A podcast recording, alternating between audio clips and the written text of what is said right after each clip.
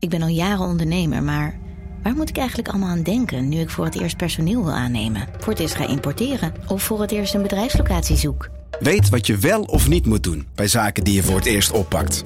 Check kvk.nl voor praktische stappenplannen. KVK, hou vast voor ondernemers.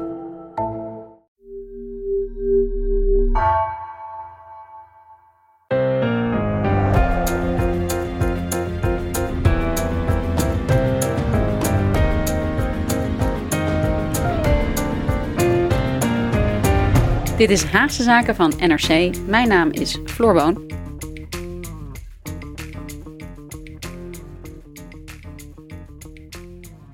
Deze week werden 33 leden van de SP gerooieerd door het partijbestuur.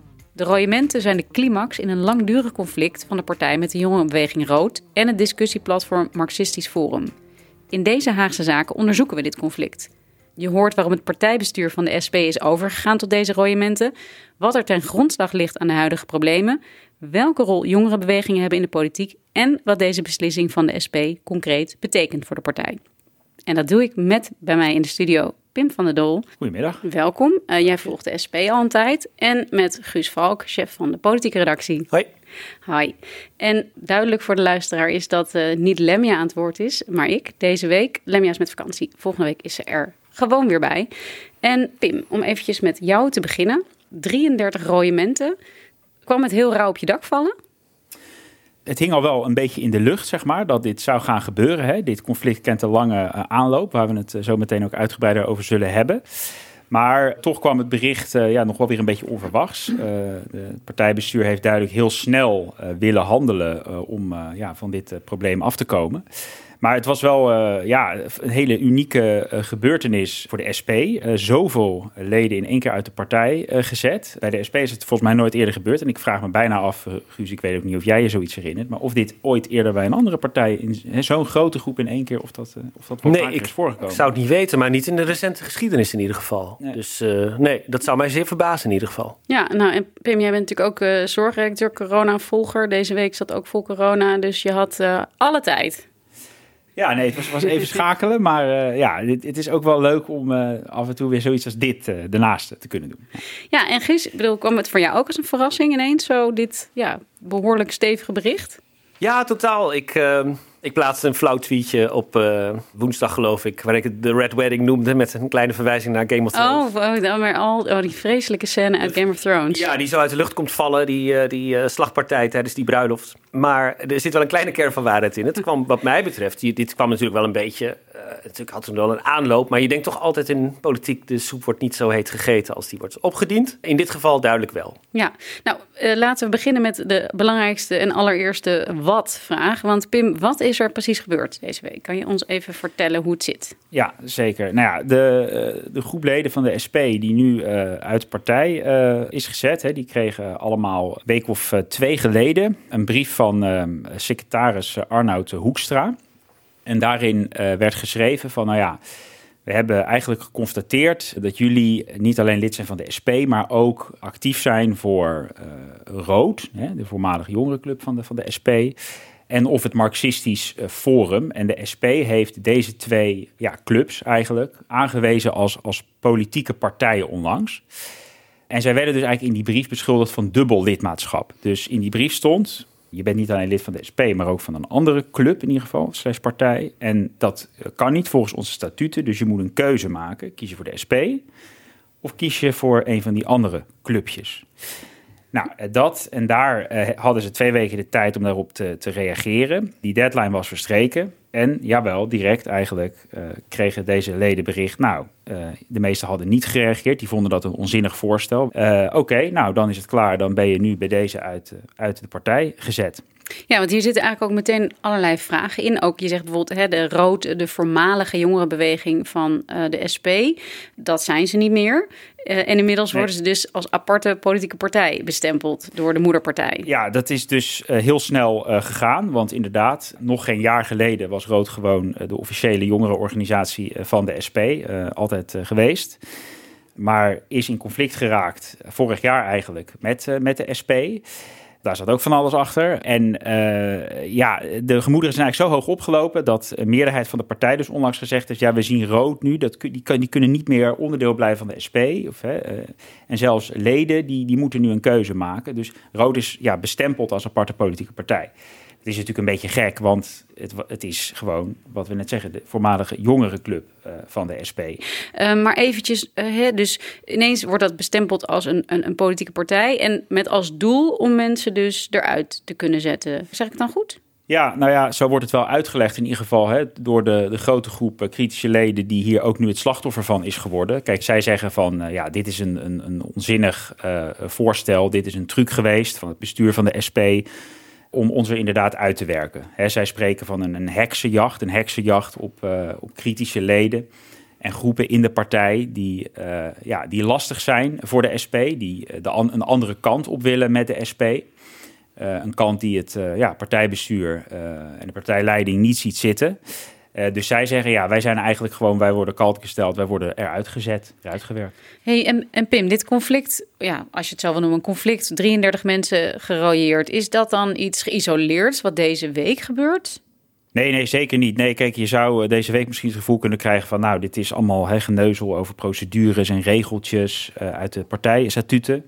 Maar uh, eigenlijk gaat het over, over iets heel veel groters. Namelijk over grote meningsverschillen over de partijkoers die de SP moet gaan volgen. Over of de partij wel of niet moet regeren. Over hoe de partij met elkaar moet omgaan. Eigenlijk een beetje de vraag: waartoe is de SP op deze aarde? Exact.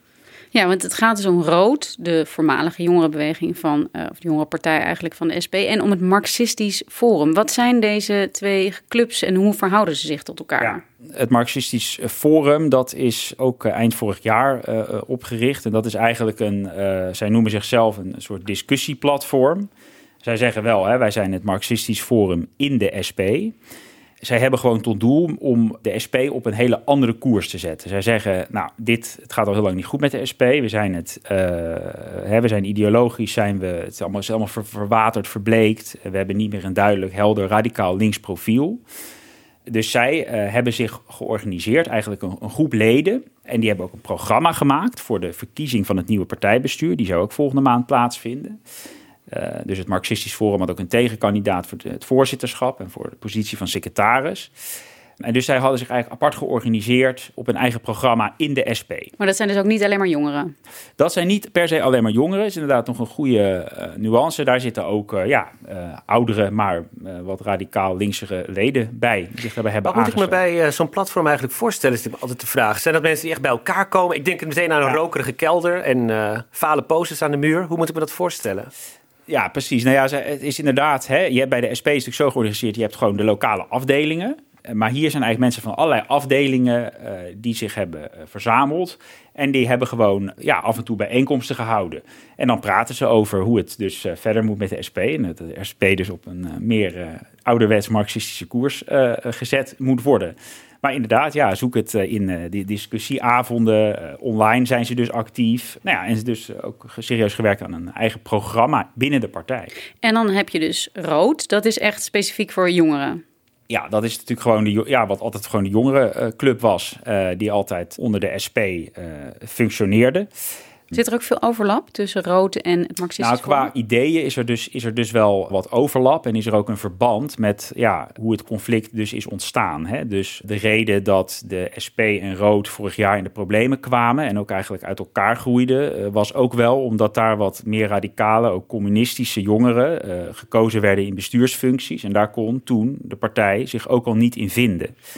Dat was overigens de reden dat uh, eind vorig jaar al de eer, uh, voor het eerst zes leden toen, uh, jonge leden, door de SP werden gerooieerd. Omdat zij zich binnen rood zouden bezighouden met nou ja, communistische, te radicale zaken. En op grond waarvan zijn die mensen toen gerooieerd? Nou, om het nog ingewikkelder te maken, die leden werden toen beschuldigd van weer een lidmaatschap van weer een ander platform, het communistisch platform. Uh, anders dan het Marxistisch Forum. Ja, ja, dat, uh, ja het is echt uh, de, het is heel gezellig daar. Die en People's Front. En de ja, People's ja, Front of TT, ja, doet er wel een beetje aan denken. Ja, ja. Maar ja, goed, en het communistisch platform, ja, dat is dan weer een soort, best een beetje een schimmige, schimmig clubje wel. Want die, die, die werken wat minder transparant dan bijvoorbeeld dat Marxistisch Forum. Hè. Dat heeft gewoon gezegd de afgelopen maanden van, nou, kijk, dit zijn wij. open en transparant. We hebben een programma, willen andere koers voor de SP. Maar dat communistisch platform, dat opereerde eigenlijk wat anoniemer. Dus die hebben een website wel. En die zeggen ook heel duidelijk, dat is misschien wel, uh, ik heb daar nog een klein citaatje van meegenomen. Dat zijn eigenlijk gewoon communisten die zich proberen te organiseren en binnen de SP invloed willen uitoefenen. En zij zeggen daar dus bijvoorbeeld over uh, dat ze ook streven, dat ze een alternatief programma voor ogen hebben voor de SP. Dat hun doel ook is het, het omvormen van de SP. En dat zij geen hel zien in een eigen of aparte communistische partij, zoals die er vroeger was. Maar dat zij meer kansen zien om gewoon de SP van binnenuit dus om te vormen tot een communistische partij. Gewoon binnen de bestaande structuur. Oké, maar dus eventjes om het helder te hebben. Je hebt de SP zelf, je hebt Rood, dat was eigenlijk dus de jonge partij. En dan heb je het Marxistisch Forum, dat is een soort debatgroep zeg maar binnen de partij uit alle gelederen mensen en het communistische platform. Ja, is daar wel mee vergelijkbaar, maar los daarvan en eigenlijk radicaler. En die willen daadwerkelijk ook de SP omvormen. Terwijl het Marxistisch Forum veel meer gewoon debat wil hebben onderling. Ja, en, en, en meer gewoon gezegd heeft van, nou kijk, wij zijn gewoon heel open over dat wij een ander programma willen voor de SP. En daarom doen we mee aan die, aan die bestuursverkiezing. Ja, en kan je dan, hè, vorig jaar is er dus een breuk ontstaan tussen Rood en de SP. Omdat er, er zijn er zes jongeren gerooieerd. En dat ging dus eigenlijk ook al over ja, een beetje vergelijkbare uh, achtergrond die we nu deze week zien. Ja, ja, zij werden dus beschuldigd toen van lidmaatschap van dat communistisch platform. En dat was ook al een reden om te zeggen, dat kan niet, dubbel lidmaatschap is verboden, we zetten jullie uit de partij. En eigenlijk, kijk, het verband tussen al deze uh, groepjes en dat dit allemaal tot problemen leidt, is dus dat uh, het feit dat deze mensen zich op deze manier organiseren, uh, factie of groepsvorming, zeg maar, binnen de SP, dat is dus bij de SP heel omstreden. Uh, heel veel uh, leden en SP'ers vinden: nee, dat, zo hoort het niet. Wij hebben een officiële partijstructuur. Hè, we hebben afdelingen, daar komen we samen, daar bespreken we de partijkoers. Uh, daar doen we wijzigingsvoorstellen bijvoorbeeld voor het verkiezingsprogramma. Maar een beetje nieuwe clubjes en groepjes oprichten met als doel de partij om te vormen. Nee, dat vinden, ze, vinden heel veel SP'ers heel eng en dat wijzen ze af dat heeft dan ook wel weer een beetje te maken met de geschiedenis van de SP. En het, uh, ja. Dus ze willen eigenlijk zelf uh, in de hand houden hoe er gepraat wordt en hoe er gediscussieerd wordt in de partij via vaste structuren. Ja. En ze vinden het een beetje spannend, om het zacht uit te drukken, als daar buiten uh, die structuren ja, ook mensen zijn die andere ideeën hebben over de toekomst van de SP. Ja, precies. Zo kun je het eigenlijk wel samenvatten. Ja. Ik denk eigenlijk dat het met twee dingen te maken heeft. Ten eerste is de SP traditioneel een hiërarchische partij, waar de partijleiding bepaalt wat de koers is. Dat is altijd al zo geweest in de partij. Vroeger was het nog veel extremer. Nu is het al ietsje meer uh, gematigd in de zin van... Hè, er zijn nu wel daadwerkelijk congressen en zo. Hè. Leden kunnen wel degelijk iets inbrengen. Maar de SP wijkt echt af van andere partijen, zeker op links. In de zin van leden hebben sowieso ja, weinig invloed naar boven, zal ik maar zeggen. De tweede plaats, denk ik, is de SP ook een partij... waar ze helemaal niet van debat houden. Het is niet een uh, debatpartij zoals de PvdA of de GroenLinks of uh, soms ook het CDA, waar, waar echt verschillende scholen zijn, waar verschillende stromingen zijn, waar ideeën ontstaan. De SP is ontstaan als een bijna anti-intellectuele partij. Hè? Als, als een partij die echt is van we gaan de, de straat op, de, de massa's moeten, moeten uiteindelijk de koers uh, bepalen. Niet de, de studeerkamergeleerden. Beetje ja, Maoïstisch bijna in, in die zin. Dus het zit heel erg in het DNA van die partij om dit, ja, om ook koersdebat natuurlijk heel erg de kop in te drukken. Ik denk dat dat ook een deel van de verklaring is dat ze hier zo heftig op reageren. Maar er is een soort hiërarchische structuur en de, de, de partijleiding is de baas en iedereen heeft zich een beetje daarnaar te schikken. Is het zo simpel dan? Daar komt het uh, in feite wel op neer. Nou ja, Pim gaat wel eens naar partijraden toe. Jij weet dat beter dan ik, maar uh, zo is het formeel wel geregeld eigenlijk, ja. Overigens hebben we, uh, dat is wel even goed om te zeggen, uh, twee jaar geleden is er een aflevering gemaakt, ook helemaal over de SP. Ook uh, naar aanleiding van verlies dat er werd geleden bij verschillende verkiezingen. Die zetten we even in de show notes. Dus daar kan je heel erg veel daarover ook nog terugluisteren. Want we hebben dus nu deze 33 rooimenten. wie zijn dit voor mensen? Wie zijn de mensen die zich dus kandideerden voor het bestuur van de SP, die er nu ja, eigenlijk gewoon zomaar op straat zijn gezet? Nou ja, het gaat dus om, om, om verschillende soorten uh, SP'ers. Het zijn uh, hè, soms mensen die hoog geplaatst zijn in, in, in de afdelingen, afdelingsbestuurders. Uh, nou, veel jonge actieve leden, hè, die dus betrokken waren nog bij, bij Rood. Maar ook lokale statenleden zaten ertussen. Uh, dus het, uh, ja, het zijn ook echt zijn een aantal politici die gewoon nu voor de SP nog in de gemeenteraad of de provinciale staten zaten die eruit zijn gegooid. Ja, en dus de meest, hè, daarnaast meest in het oog springende gerooieerde waren natuurlijk de twee hè, serieuze tegenkandidaten voor in het partijbestuur namens dat Marxistisch Forum. Thijs Hardam, hij wilde dus de voorzitter worden, dus huidige voorzitter Jannie Visser vervangen. Uh, en uh, Michel Eggermond uit Utrecht. En die, uh, ja, die wilde de nieuwe algemeen secretaris worden. En in juni sprak Eggermond tegen Geen Stel over dat hij een andere koers wilde voor de SP. wij zijn hier omdat wij als een aantal jongere, maar ook oudere SP'ers ons kandidaat hebben gesteld voor het nieuwe partijbestuur, wat in november gekozen wordt. het belangrijkste ding er is, in is van het partijregime is voor ons ook een spiegel van, uh, van welke maatschappij we uiteindelijk willen vormen. En daarin is er gewoon een heleboel te verbeteren binnen de SP. Ja, dit is iemand die duidelijk iets anders wil. En uh, als ik jullie zo net hoor, is dat precies wat de SP dus eigenlijk niet wil. Dus was dit ook een beetje waar het begon te gisten, zeg maar? Tussen deze mensen en de partijleiding dacht: oh hemel, straks krijgen we daadwerkelijk andersdenkenden die invloed gaat, gaan uitoefenen eigenlijk binnen de partij.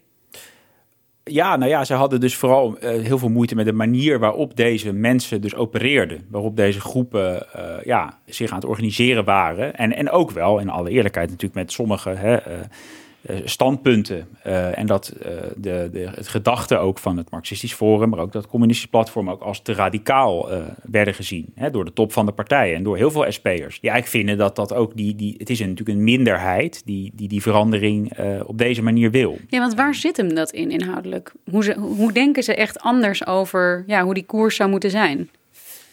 Nou ja, kijk, die communistische jongeren die hebben gewoon heel duidelijk gezegd: wij willen van de hè, SP weer een zuiver communistische partij maken. Nou, nou ja, dat is de SP natuurlijk op dit moment al lang niet meer, of helemaal niet. En, en dat vinden uh, veel SP'ers dus gewoon een heel slecht idee. Uh, en waar het bij de jongeren vorig jaar ook uh, bijvoorbeeld om ging, waar, wat wel omstreden was, is dat zij bijvoorbeeld in een manifest online ook het gebruik van geweld niet in alle gevallen wilden uitsluiten om de revolutie te laten slagen, bijvoorbeeld. Hè. Dus ja, dan lees je teksten over volksmilities die de wapens mogen opnemen in theorie als, hè, uh, ja, als dat helpt om het volk ook aan de macht uh, te brengen. Ja, maar dit, dit klinkt zijn... heel heftig meteen, ja. uh, de wapens ja. opnemen en zo. Maar hoe ja. serieus is dat eigenlijk? Is dat nou, echt een, een, een voornemen of... Nee, kijk, die, die, die jongeren hebben dat wel weer afgezwakt of gezegd, ja, dat moet je niet allemaal niet te letterlijk nemen. Hè. Dan gebeurt er een soort uh, tekst-exegese uh, van, ja, wat, wat, staat, wat, wat wordt hier nu precies mee, mee bedoeld? Het frappante is toch ook wel dat, hoewel deze jongeren inderdaad scherpe stellingen soms innemen, um, ja, dat die platforms echt niet staan voor uh, waar de meerderheid van de SP nu voor staat. En dat je je dus ook wel eens afvraagt, ja, waar zijn ze nu precies bang voor? Maar het kan misschien zijn de combinatie van uh, radicale standpunten en toch wel een hoge organisatiegraad die ja. deze platforms ja. hebben. Want het zijn niet zomaar individuele leden die iets roepen of een, of een los clubje of een Facebookgroep ja. of zo. De indruk die je krijgt is dat ze in afdelingen best wel georganiseerd zijn. En dat, uh, dat soms hele afdelingen omgaan, bij wijze van spreken. Dus ik kan me wel ja. voorstellen dat ze in die zin het wel als een uh, bedreiging zagen. Nee, zeker. Nou ja, de, precies wat jij net nu zegt, dat, dat klopt inderdaad. Hè? Dat bijvoorbeeld uh, dat communistisch platform ook binnen Rood vorig jaar uh, bepaalde moties heeft geschreven. En heeft de leden van Rood heeft opgeroepen van kijk, dit is onze motie, dit moeten we nu vinden. En inderdaad dat dat in verschillende afdelingen wordt verspreid. En wat staat er dan bijvoorbeeld in? Nou, dit was een heel concreet voorbeeld. Dat is denk ik wel aardig nog om, om, om te noemen. Uh, waar het ook misging uiteindelijk uh, eigenlijk tussen Rood en de SP. Uh, dat was een motie over regeringsdeelname. Ik denk dat we ons allemaal nog goed herinneren dat de SP de afgelopen campagne voor de Tweede Kamerverkiezingen hè, heel erg uitstraalde van nou, wij zijn eigenlijk wel klaar om een keer te regeren, in, ook in Den Haag. Lilian Marijnissen die de VVD niet uitsloot. Uh, en Rutte die zelfs in de campagne een beetje nou ja, zaten te flirten, vonden sommigen. nou, dat vonden die jongeren van Rood dus echt verschrikkelijk. Dus zij vonden het idee hè, om met de VVD zelfs te gaan regeren uh, echt uh, ja, een heel slecht idee. En die hebben dus ook toen gezegd van, hè, in de motie van echt opgeroepen, um, joh, de SP moet, niet, moet helemaal niet willen regeren, dat is de verkeerde weg. En uh, we moeten niet het kapitalisme gaan managen, zoiets stond er letterlijk. En dat was dus tegen het zere been van de partijtop. Die vond het dus heel vervelend dat Rood opeens allemaal eigen standpunten ging innemen. Dat was ook wel een beetje nieuw. Dat, Rood was altijd wat meer op de vlakte en trouw aan de partij. Maar je zag dus vorig jaar dat ze ze echt een beetje meer zelf gingen profileren. En zich wat losser van de SP gingen opstellen. Ja, en dat was dus meteen ook helemaal uh, tegen het zere been. Ja. ja. wat ik me wel heel erg herinner aan dat, uh, wat er vorig jaar gebeurde toen eigenlijk uh, die afsplitsing kwam. Of toen ze elkaar loslieten of dat conflict ontstond in ieder geval. Is dat ze het hadden over hè, de radicale zolderkamergeleerden. Wij, wij accepteren dit niet. En wij accepteren ook niet dat een handjevol geradicaliseerde uh, zolderkamer, de communisten proberen om onze partij over te nemen. En ik dacht meteen, nou, dat zijn allemaal oude mannen van uh, middelbare leeftijd met grijze snorren. Maar dat bleken dus echt hele jonge, piepjonge mensen te zijn van 18, 19, 20 jaar. Misschien wel grappig om uit te leggen wat Arnold Hoekstra nou concreet bedoelt met, met, met zolderkamercommunisten. Hè. De klacht van veel SP'ers is dus dat die roodjongeren weer te veel Karl Marx aan het lezen waren. Ja, en de gingen filosofie precies terug in de boeken. Ja wat Guus net al een beetje zei, terwijl de SP is altijd actie, actie, actie. Dus daar vonden ze dus dat rood aan het afdrijven was van wat je als SP'ers hoort te doen. Ja, maar ik zat dus die aflevering terug te luisteren, waar ja. jij ook aan het woord was, Pim, van twee jaar geleden. En daarin zeiden jullie notabene dat alle SP'ers worden geschoold in Marx. En ja, nu... ze worden natuurlijk in, maar ja. je wordt geschoold in de partijlijn uiteindelijk en niet in, uh, ja, het is geen exegese zoals uh, protestanten dat doen. Het is, hè, dit, is, zo is het verhaal en niet, uh, we gaan geen intellectuele goochelarij doen met Marx. Nee, dit is het. Dit is het. En ik denk dat in de SP, dat een partij die notabene is aan het ontstaan uit een conflict in de communistische eenheidsbeweging Nederland in 1970 geloof ik. Ja. Dat conflict ging al over intellectualisme. Uh, de SP'ers vinden dat je, dat je communisme moet je bedrijven. Je moet het niet bestuderen. Je moet het zijn. Ja. Oké, okay, dus er is van alles aan de hand. Mensen gerooieerd. Iedereen uh, lijkt me rep en roer. Wat uh, zegt de partijleider eigenlijk van Lilian Marijnissen? helemaal niks. Nee, helemaal niks. Uh, nee, nee, het is heel uh, opmerkelijk dat uh, Lilian Marijnissen eigenlijk zich, nou ja, dit conflict speelt nu anderhalf jaar. de afgelopen week, ja, ik denk toch, maar ik weet niet hoe jij dat ziet, Guus, maar dat bij heel veel partijen waar zo'n gigantische interne crisis uitbreekt, dat je toch wel op zijn minst een tweet of een korte verklaring van de partijleider, ook mm -hmm. uit de Mhm. Tweede Kamer dan, ziet. of dat ja, op televisie of een persbericht of een. Ja. Maar zij is uh, oorverdovend stil. En uh, kijk, als je dat bij de SP gaat vragen, ik was uh, deze week nog even op de fractie. Dan krijg je dus de formele uitleg van ja, maar dit is een zaak van het partijbestuur. En de voorzitter Jannie Visser en Arnoud Hoekstra. Ja, dat klopt op papier allemaal wel. Maar dat zij zo, zich zo afzijdig houdt, vind ik toch ook wel opvallend. Ja, ik geloof wel dat ze vorige keer bij het royement heeft ze er wel iets over gezegd. Nou, die grens ligt erin dat je in ieder geval onze beginselen onderschrijft. Uh, en dat je ook bijvoorbeeld onze statuten, ons huishoudelijk reglement, wat heel democratisch is vastgesteld door onze leden, dat je die respecteert. Nou, en daar staat bijvoorbeeld in dat je niet van twee partijen tegelijk lid kunt zijn. Nou, zij zijn bij een communistisch platform, daar willen ze de SP toe omvormen.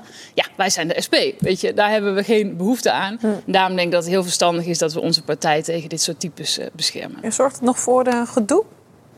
Nee, gelukkig niet. Die vraag. Oh. Gelukkig nee, geen niet. gedoe, nee, totaal nee. niet. nou, maar ze zegt ook bij mij, communistisch platform. Ze, ze spuugt het bijna uit, die ja. woorden.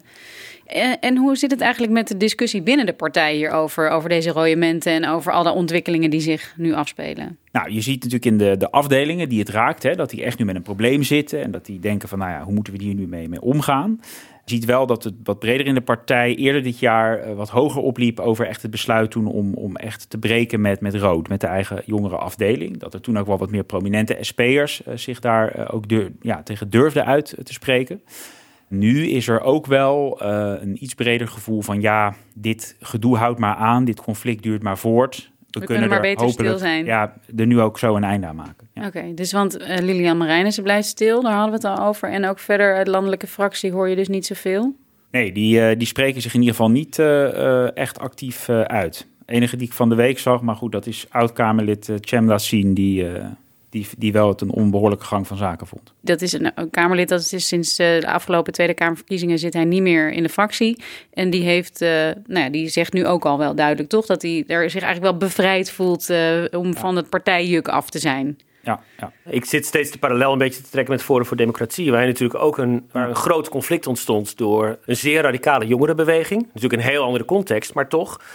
Dat had meteen repercussies hier in de fractie. En, en dat straalde natuurlijk meteen af op Thierry Baudet. Bij de SP lijkt dat een volledig gescheiden wereld. De, de fractie, hè, uh, laat Lilian Marijnissen, Renske Leijten en noem ze allemaal maar op. En wat er buiten in die partijorganisatie gebeurt. Dat is inderdaad gek. Het is natuurlijk formeel ook gescheiden. Vroeger was Jan Marijnissen, haar vader, was natuurlijk en eh, partijleider en partijvoorzitter.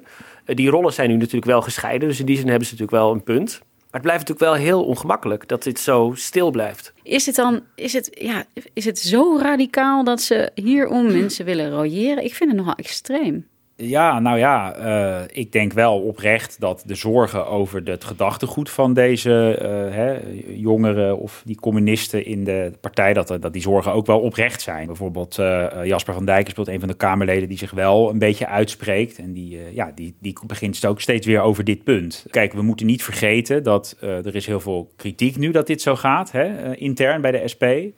Maar de meerderheid van de afdelingen heeft hè, de partij hier juist ook in gesteund om dit wel zo te doen. Om, om die royementen door te zetten. Want voor veel SP'ers gaan sommige van die uh, opvattingen dus echt te ver. En zij vinden ook vooral dat er na nou ja, uh, anderhalf jaar nu van conflict gewoon een einde moet komen aan al dit gedoe. Dus zij hopen dat hiermee ook nou ja, het probleem gewoon een keer van tafel gaat. Ja, en kan het dan zomaar? Ik bedoel, dus ze hebben als collectief besloten, nu is Marxistisch Forum en Rood zijn politieke partijen, hebben zij besloten.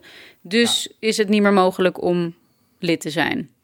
Ja, nou, volgens mij is het wel echt heel vreemd, zeg maar, dat ze gezegd hebben, nou ja, dit zijn aparte politieke partijen, want ja, ja die klinkt als een trucje. Over, precies, dit Want dan vallen ze net binnen mij, die statuten.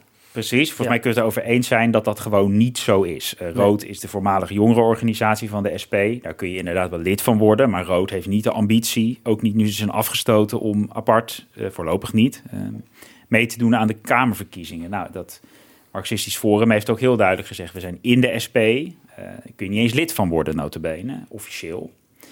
Dus het is inderdaad een soort trucje. Maar ja, het verenigingsrecht in Nederland is volgens mij uiteindelijk vrij uh, simpel. Als de vereniging, en dat is gebeurd, de SP instemt met uh, het feit dat dit nu aparte politieke partijen zijn, dan mag je zo'n royement uh, volgens mij gewoon doorzetten. hey, nou gaat het ook over hè, de jongeren, rood, een jongerenbeweging. Het is toch wel vrij uitzonderlijk dat zij zo in conflict en dus zelfs in breuk liggen met hun moederpartij. Is dat bij andere partijen ook wel eens gebeurd. Dat de jongerenbeweging zo ja, schuurt uh, en afbreekt van. Uh, nou, je hebt, je hebt twee soorten jongerenpartijen, denk ik. Je hebt er die echt een uithangbord zijn van de moederpartij. En die eigenlijk er zijn om gewoon hè, de toevallig jongere uh, mensen die bij die partij horen te verenigen. Maar die verder ook niet dwars liggen, die niet, niet echt een punt van dingen maken. Je kunt bijvoorbeeld aan CDJA denken bij het CDA. Dat zijn. Dat is best een brave organisatie. Die zitten ook in het partijbureau, ze hebben een functie in het partijbestuur, beslissen gewoon mee, praten mee. Ja, daar zit niks revolutionairs aan natuurlijk. Maar je hebt ook uh, politieke jongeren, jongerenorganisaties die echt zichzelf zien als ja, het, het uh, rebelse, um, meer principiële, meer idealistische jonge neefje of nichtje van de moederpartij. En dan kun je aan dwars denken, misschien de jonge democraten ook wel. Dwars van GroenLinks? Dwars van GroenLinks, jonge democraten van D66 die uh, meten zichzelf een veel vrijere rol aan. Dus het, het, hangt wel een beetje af van de partij die je net treft. Ik denk dat je bij uh, Rood wel kan zeggen, traditioneel past het, is het veel meer een CDJA dan een dwars, zal ik maar zeggen. In de zin van ze zijn heel erg ja, gezagsgetrouw geweest altijd. En ze liepen eigenlijk altijd in gelid tot, Totaal, tot ja. ineens nu. Daarom is dit dus zo uh, uit de hand gaan lopen. Dat Rood zich dus opeens ging gedragen als al die andere of een aantal van die andere politieke jongerenorganisaties. En ja, de SP dat dus onacceptabel vond. Ja, maar dit is dus wel interessant. Je zegt, eigenlijk zijn ze zich gaan gedragen zoals de anderen. En dat is voor de SP te extreem. Het is niet Ja. dat ze zich zeer extreem zijn gaan gedragen, zeg maar. Nou ja, ik denk dat we bij alle partijen, ook aan de linkerkant, zeker bij de jongerenorganisaties, een zekere, hè, inhoudelijk, een zekere misschien radicalisering weer zien van standpunten. Hè. Ja, waar je het Dus- zeker ziet is bij Radicaal, de, Oh, ja. de PJO van Bijeen. Die is zo eh, radicaal, eh, met name over intersectionaliteit en dat soort dingen. Dat je gewoon merkt als je met mensen van Bijeen praat, dat ja, een hoop ongemak met, eh, met, die, met die club. Die, die drijven het veel verder door, zal ik maar zeggen. Verbieden bijvoorbeeld ook een dubbel lidmaatschap van andere organisaties. Dus het komt inderdaad veel vaker voor dat, dat, ja, dat ze toch wel een beetje mee zitten. Met zo'n met zo'n heel erg radicale of radicaliserende politieke jongerenorganisatie. Ja, want Guus, jij noemde net ook al Forum voor Democratie. Daar is natuurlijk ook heel veel gedoe mee geweest eh, eerder. Is, ja, daar horen we nu eigenlijk niks meer van. Ik bedoel, het heeft wel tot heel veel media-aandacht Mhm. geleid. Maar ja, eh, die zijn nog steeds gelieerd aan Forum. Ja, dat klopt. En, eh, en, en de mensen die toen een hoofdrol speelden, bijvoorbeeld Freek Jansen, is nu gewoon Kamerlid. Dus je kan niet zeggen dat dat een, dat dat een enorme eh, zuivering is geweest. Nee, tegendeel. Nee, en dat ging natuurlijk over eh, WhatsApp-gesprekken over Ja. eh, waar uh, nazi-sympathieën in voorkwamen en zo. Dat is misschien nog wel een stukje extremer dan, dan dit, lijkt mij. Maar goed, Mhm. en, en de VVD bijvoorbeeld, is dat een, een radicale jongerenclub? Nou, zo zou ik ze niet willen noemen. De, VVD, de JOVD is toch met name... Het is wel een debatclub, zo zou ik ze wel willen, willen noemen. Maar met name vind ik het een, meer een talentenpool voor jonge eh, liberale eh, leiders in SP. Mark Rutte zelf is ook voorzitter geweest van de JOVD. Een heleboel prominente VVD'ers hebben een JOVD-verleden. Dus een hele belangrijke organisatie voor de VVD. Omdat, juist ook omdat ze veel debat over, nou, noemen ze wat, over de rechtsstaat, over softdrugs, noem het, noem het maar op, eh, voeren. Maar echt heel erg opstandig zou ik ze zeker niet willen noemen. Ja, het lijkt mij eerlijk gezegd ook best wel problematisch voor de SP als partij dat ze nu zo in conflict zijn gekomen met hun eigen jongeren. Want het is vaak ook een kweekwijver voor Ja. politiek talent. En ik kan me wel voorstellen dat zeker in deze tijden waarin ja, de politiek ook wel een hele nou ja, niet helemaal veilige omgeving is, zeg maar, met groot eh, afbreukrisico. Dat het een plek is waar jongeren in de luwte een beetje leren politiek te bedrijven. En gewoon, ja, eh, een beetje gewoon kunnen groeien, zeg maar, zonder dat ze meteen eh, zo in de spotlight staan. Nou, en wat dacht je van de, toch een vergrijzende partij als de SP ook? De, de PvdA heeft dat extreem, maar, en het CDA, maar de SP heeft daar, heeft daar ook last van. Een heel vergrijzend kader, eh, vergrijzende achterban. Je hebt die jongeren ook nog gewoon nodig. Je hebt ook een, eh, een eh, voethold nodig in de, in, in de jongerencultuur, dat is waar. Nou ja, nog, en misschien nog even aanvullend op Guus. Inderdaad, hè, de SP heeft al jaren heel veel moeite om nog veel jonge leden te trekken, jonge kiezers. Ik heb nog even opgezocht dat bij de Tweede Kamerverkiezingen van dit jaar was maar 3% van de SP-kiezers, die dus die, die dag op de SP hebben gestemd, tussen de 18 en 24 jaar. 3% en 50% tussen de 50 en 70 jaar. Daarmee is er bijna geen partij te vinden die eh, pers- eh, relatief zo weinig jonge kiezers trekt. Dus, dus daar heeft de SP al een enorm probleem. En je hoort Zij zijn ook- echt de oudste, hebben de oudste kiezers. nou, eh, dit is dan relatief. Als je kijkt naar puur bij de SP-kiezers van die, ja, was het echt maar 3%. Heel erg weinig. En juist de klacht van ook de jongeren van Rood is al veel langer. Van ja, wij zijn, de SP is de aansluiting bij de, hè, de linkse beweging kwijt. Eh, wij komen bij demonstraties allerlei jongeren tegen eh, die inderdaad nu tegen racisme opstaan. Die maar ook bij zo'n woonprotest. En eh, ja, we zien daar bijna geen. Al die jongeren die we spreken, die zeggen: ja, nee, de SP, dat is voor ons al lang geen optie meer. Die, die kiezen dus tussen GroenLinks en Bijeen. En dan werd de Partij voor de Dieren. Dus de SP heeft daar al jaren een enorm eh, probleem eigenlijk mee. Ja, en dan stoot je je eigen jongerenclub af, laat je het zo escaleren. Je vraagt je eigenlijk wel af van ja, zo snij je jezelf misschien nog verder Ja. in de vingers. En ook omdat de- SP-lijn altijd is geweest van alle problemen in de wereld komen uiteindelijk neer op klassenstrijd. Dus ja, leuk zo'n woonprotest of een antiracisme demonstratie, maar dat mag niet afleiden van, eh, van onze boodschap. Dat is namelijk eh, de arbeider tegen eh, het proletariaat, zeg maar, tegen, de, tegen het grootkapitaal. En in die zin kun je afvragen, hebben ze nog wel een soort feeling met, met ook met jongerencultuur en met ehm, eh, wat daar leeft op dit moment? Dat kun je inderdaad wel afvragen. Ja, want ik bedoel, oké, ze hebben hun eigen mensen afgestoten. Hoe wordt er dan binnen de partij naar gekeken? Hè? Dus, er is dus wel, uh, in ieder geval de meerderheid vond dit oké. Die, die, die heeft gestemd voor deze royementen. Maar er zal toch ook wel discussie zijn binnen die partij over het zo aan de kant zetten van je eigen, ja, je eigen aanwas en je eigen jongerenbeweging, zeg maar.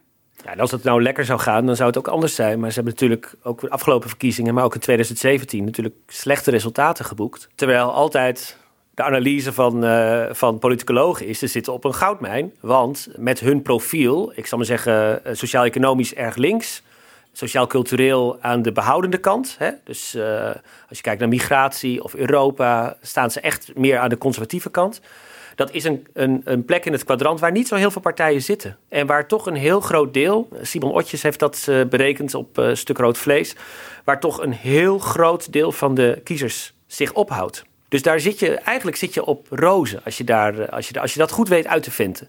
En op de een of andere manier lukt dat de hele tijd niet. Nee, want hoe kan dat? Wat, eh, wat zijn dan eigenlijk de. Eh, je zegt net al van uh, alles moet gaan over die klassenstrijd, zeg maar. het is een uh, hiërarchische partij. Ze willen eigenlijk weinig discussie. Ze bepalen van bovenaf mm hoe het eruit moet zien. Ze hebben een grote potentie, maar ze kunnen het niet verzilveren. Wat schuurt daar dan zo? Ja, ik denk een paar dingen. Ze hebben natuurlijk zelf onderzocht hè, na de afgelopen verkiezingen. En toen kwamen ze toch al snel met... Uh, ja, het lag in de coronacrisis. Het ging allemaal erg over het leiderschap van Rutte. We kwamen er niet echt tussen. Een beetje externe factoren, zeg maar. Het lag niet aan ons. Ja, ze willen vooral anderen de schuld geven. Ja, het lag aan wat er, wat er elders allemaal gebeurde. Ik denk dat wel meespeelt dat ze weliswaar instinctief wel aanvoelen... Uh, waar een hoop kiezers zitten...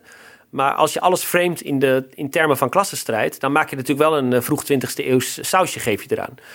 Dus ik denk dat dat ook wel meespeelt. Lilian Marijnissen wordt hier in Den Haag best geprezen om hoe ze Kamerdebatten doet en hoe ze gezicht geeft aan die partij. Ze lijkt ook echt gegroeid te zijn in de afgelopen jaren.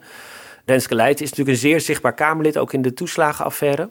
Maar ze hebben wel misschien een wat lastigere boodschap in die zin dat ze natuurlijk populistisch zijn in de manier waarop ze zich uiten, maar ook, ja, toch ook wel weer schurken tegen regeren aan. Uh, dus in die zin zit ze natuurlijk, is hun boodschap ook wat onduidelijker geworden soms.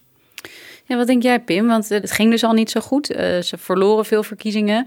Uh, Lilian Marijnissen werd ook in de campagne behoorlijk geprezen over hoe zij het deed. En toch lukt het ze niet. En nu hebben ze dit weer trouwens. Hè? Dus dan gaat het weer over de rode menten en niet over wat er dan misschien wel goed gaat binnen de partij. Nee, nee, dat klopt. Kijk, volgens mij heeft het heel erg mee te maken natuurlijk een partij waar het al jaren gewoon heel erg slecht mee gaat. Inderdaad, electoraal, maar ook dus ledenverlies. Hè, van 50.000 naar 30.000 leden gegaan, ook de afgelopen tien jaar.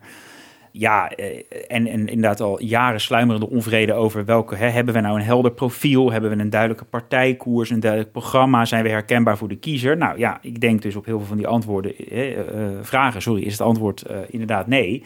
En uh, dat loopt al jaren volgens mij op en dat komt dan aan de oppervlakte. En zo'n uh, ja, zo'n conflict barst dan nu uit. En daar zit dus jaren van onvrede, zit daar gewoon onder. En volgens mij weten ze gewoon niet zo goed hoe, hoe ze verder moeten. En, en is het royeren van deze leden hè, een, een, een, soort poging om nou ja, de eenheid uh, dan misschien wat meer te herstellen. Maar ja, je gaat ook, er gaat nu ook veel verloren natuurlijk. Uh, en de, vraag, ja, de vraag is, uh, de, naar de buitenwereld komt de SP natuurlijk nu weer op, alleen maar in het nieuws als uh, een partij waar geruzied wordt. En ja, wie gaat er nou in maart op een, hè, heel vaak, volgens mij blijkt het ook uit het verleden, partijen waar geruzied wordt, die zijn niet, worden niet populairder bij de kiezer. Nee, want je zegt maart, dat zijn de gemeenteraadsverkiezingen. Dat is eigenlijk al best wel snel eigenlijk. Gaat dat daar nog invloed op hebben? Nou, zeker. Want kijk, die royementen die, die nu zijn ingezet, die, uh, die treffen natuurlijk heel veel verschillende uh, afdelingen. Waar ook weer nu al soms lijsten zijn vastgesteld voor de gemeenteraadsverkiezingen. Dit speelt bijvoorbeeld heel erg in de, een aantal van de grote steden. In Utrecht bijvoorbeeld uh, is al een jonge lijsttrekker gekozen, Floris Boudens, die dus ook lid is van Rood. En die dus nu is gerooieerd. Dus de lijsttrekker voor de SP in Utrecht is gerooieerd. Ja, hoe verder? Uh, want de dat is afdeling, dat is nogal een crisis daar. Maar ook in Amsterdam en Rotterdam staan hoog op de lijst jonge SP'ers... die dus of betrokken uh, waren bij Marxistisch Forum of lid waren nog van Rood... die dus nu allemaal uit de partij zijn gezet... en eigenlijk voor die SP de gemeenteraad uh, in wilden gaan. Maar is dit dan wat? Ik, je, kan je, je voorstellen van als er vanuit de partij wordt gedacht: oké, er is iets aan de hand, we willen er iets aan doen. Dat je, er is een brandje, we gaan het isoleren en dan wordt het geblust. Maar dit klinkt ook wel alsof ze de brand eigenlijk alleen maar laten uitslaan. Ja, nou ja, het is in ieder geval inderdaad. Uh, het partijbestuur van de SP heeft de, de afgelopen maanden heel erg, ja, ook wel op bepaalde momenten gewoon de boel geës, verder geëscaleerd. Gewoon door heel hard steeds in te grijpen en, en daarmee, ja, natuurlijk toch wel verschillende crisis en ook verdeeldheid te, te veroorzaken. Ze geloven dus oprecht dat ze hier, dat ze hier goed, goed aan doen. en dat dit juist een manier is om, ja, om, om de rust en eenheid te herstellen. En wat denk jij, eh, Guus, ideologisch? Als je het hebt over de ideologische zoektocht van de SP dus, waar ze niet echt uitkomen. Wat vertelt, wat, mhm. hoe past deze ontwikkeling daarbinnen? Nou ja, wat ik altijd wel ironisch vind aan deze kwestie, is dat de gerooieerden juist heel erg zeggen van nee, maar wij gaan terug naar de wortels van wat de SP ooit was. Wij zijn eigenlijk de schatbewaarders van, uh, van de SP-ideologie. Uh, het is niet zo dat ze iets radicaal nieuws willen, maar ze zeggen we gaan juist terug naar, de, naar, naar hoe het ooit bedacht was. Dus in die zin hebben ze wel, uh, ja, het, het, is een soort contra-reformatie of zo zou je kunnen zeggen in de, in de SP. En ik denk dat, dat het ook wel veel zegt over uh, de zoektocht die de SP nu nog steeds aan het doormaken is. Uh, wat moeten ze met het identiteitsdebat? Wat moeten ze met, um, met regeren of niet? Wat moeten ze met andere linkse partijen? Zitten ze eigenlijk niet sowieso in een uitstervend uh, plekje op het politieke spectrum? Die onzekerheid straalt deze kwestie ook heel erg uit, vind ik. Heel erg een onzekerheid over de vraag wie ze eigenlijk zijn. Ja, wie zijn ze eigenlijk, Pim? Misschien eventjes uh, tot slot. Is, er, is dat dan nog duidelijk ook voor, voor, voor hunzelf? Als de partijleider niet reageert en, uh, en, en, en dit gebeurt zonder dat heel duidelijk is hoe ze dan verder willen. Uh, lijsttrekkers voor de lokale verkiezingen worden ineens uit de partij gezet. Wie, wie zijn ze dan nog? Ja, en met dit, dit conflict gaat dus echt over wat voor partij de SP wil of moet zijn. Dus inderdaad, zowel inhoudelijk ideologisch. Welke kant moeten we op? Moeten we radicalere standpunten innemen of niet? Uh, maar ook welke de omgangsvormen in de partij. Hoe gaan we met elkaar om? Welke ruimte geef je elkaar? Uh, hoeveel ruimte geef je aan discussie?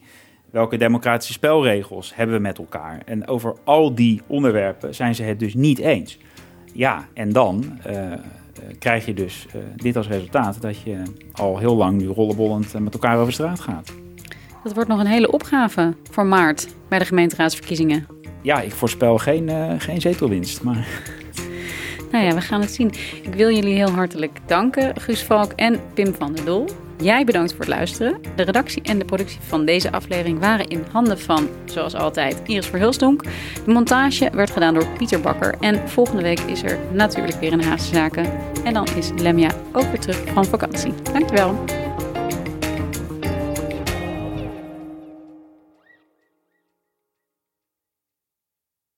Technologie lijkt tegenwoordig het antwoord op iedere uitdaging. Bij PwC zien we dit anders. Als we de potentie van technologie willen benutten, kunnen we niet zonder een menselijk perspectief. Human-led, tech-powered noemen we dat. Ga naar pwc.nl.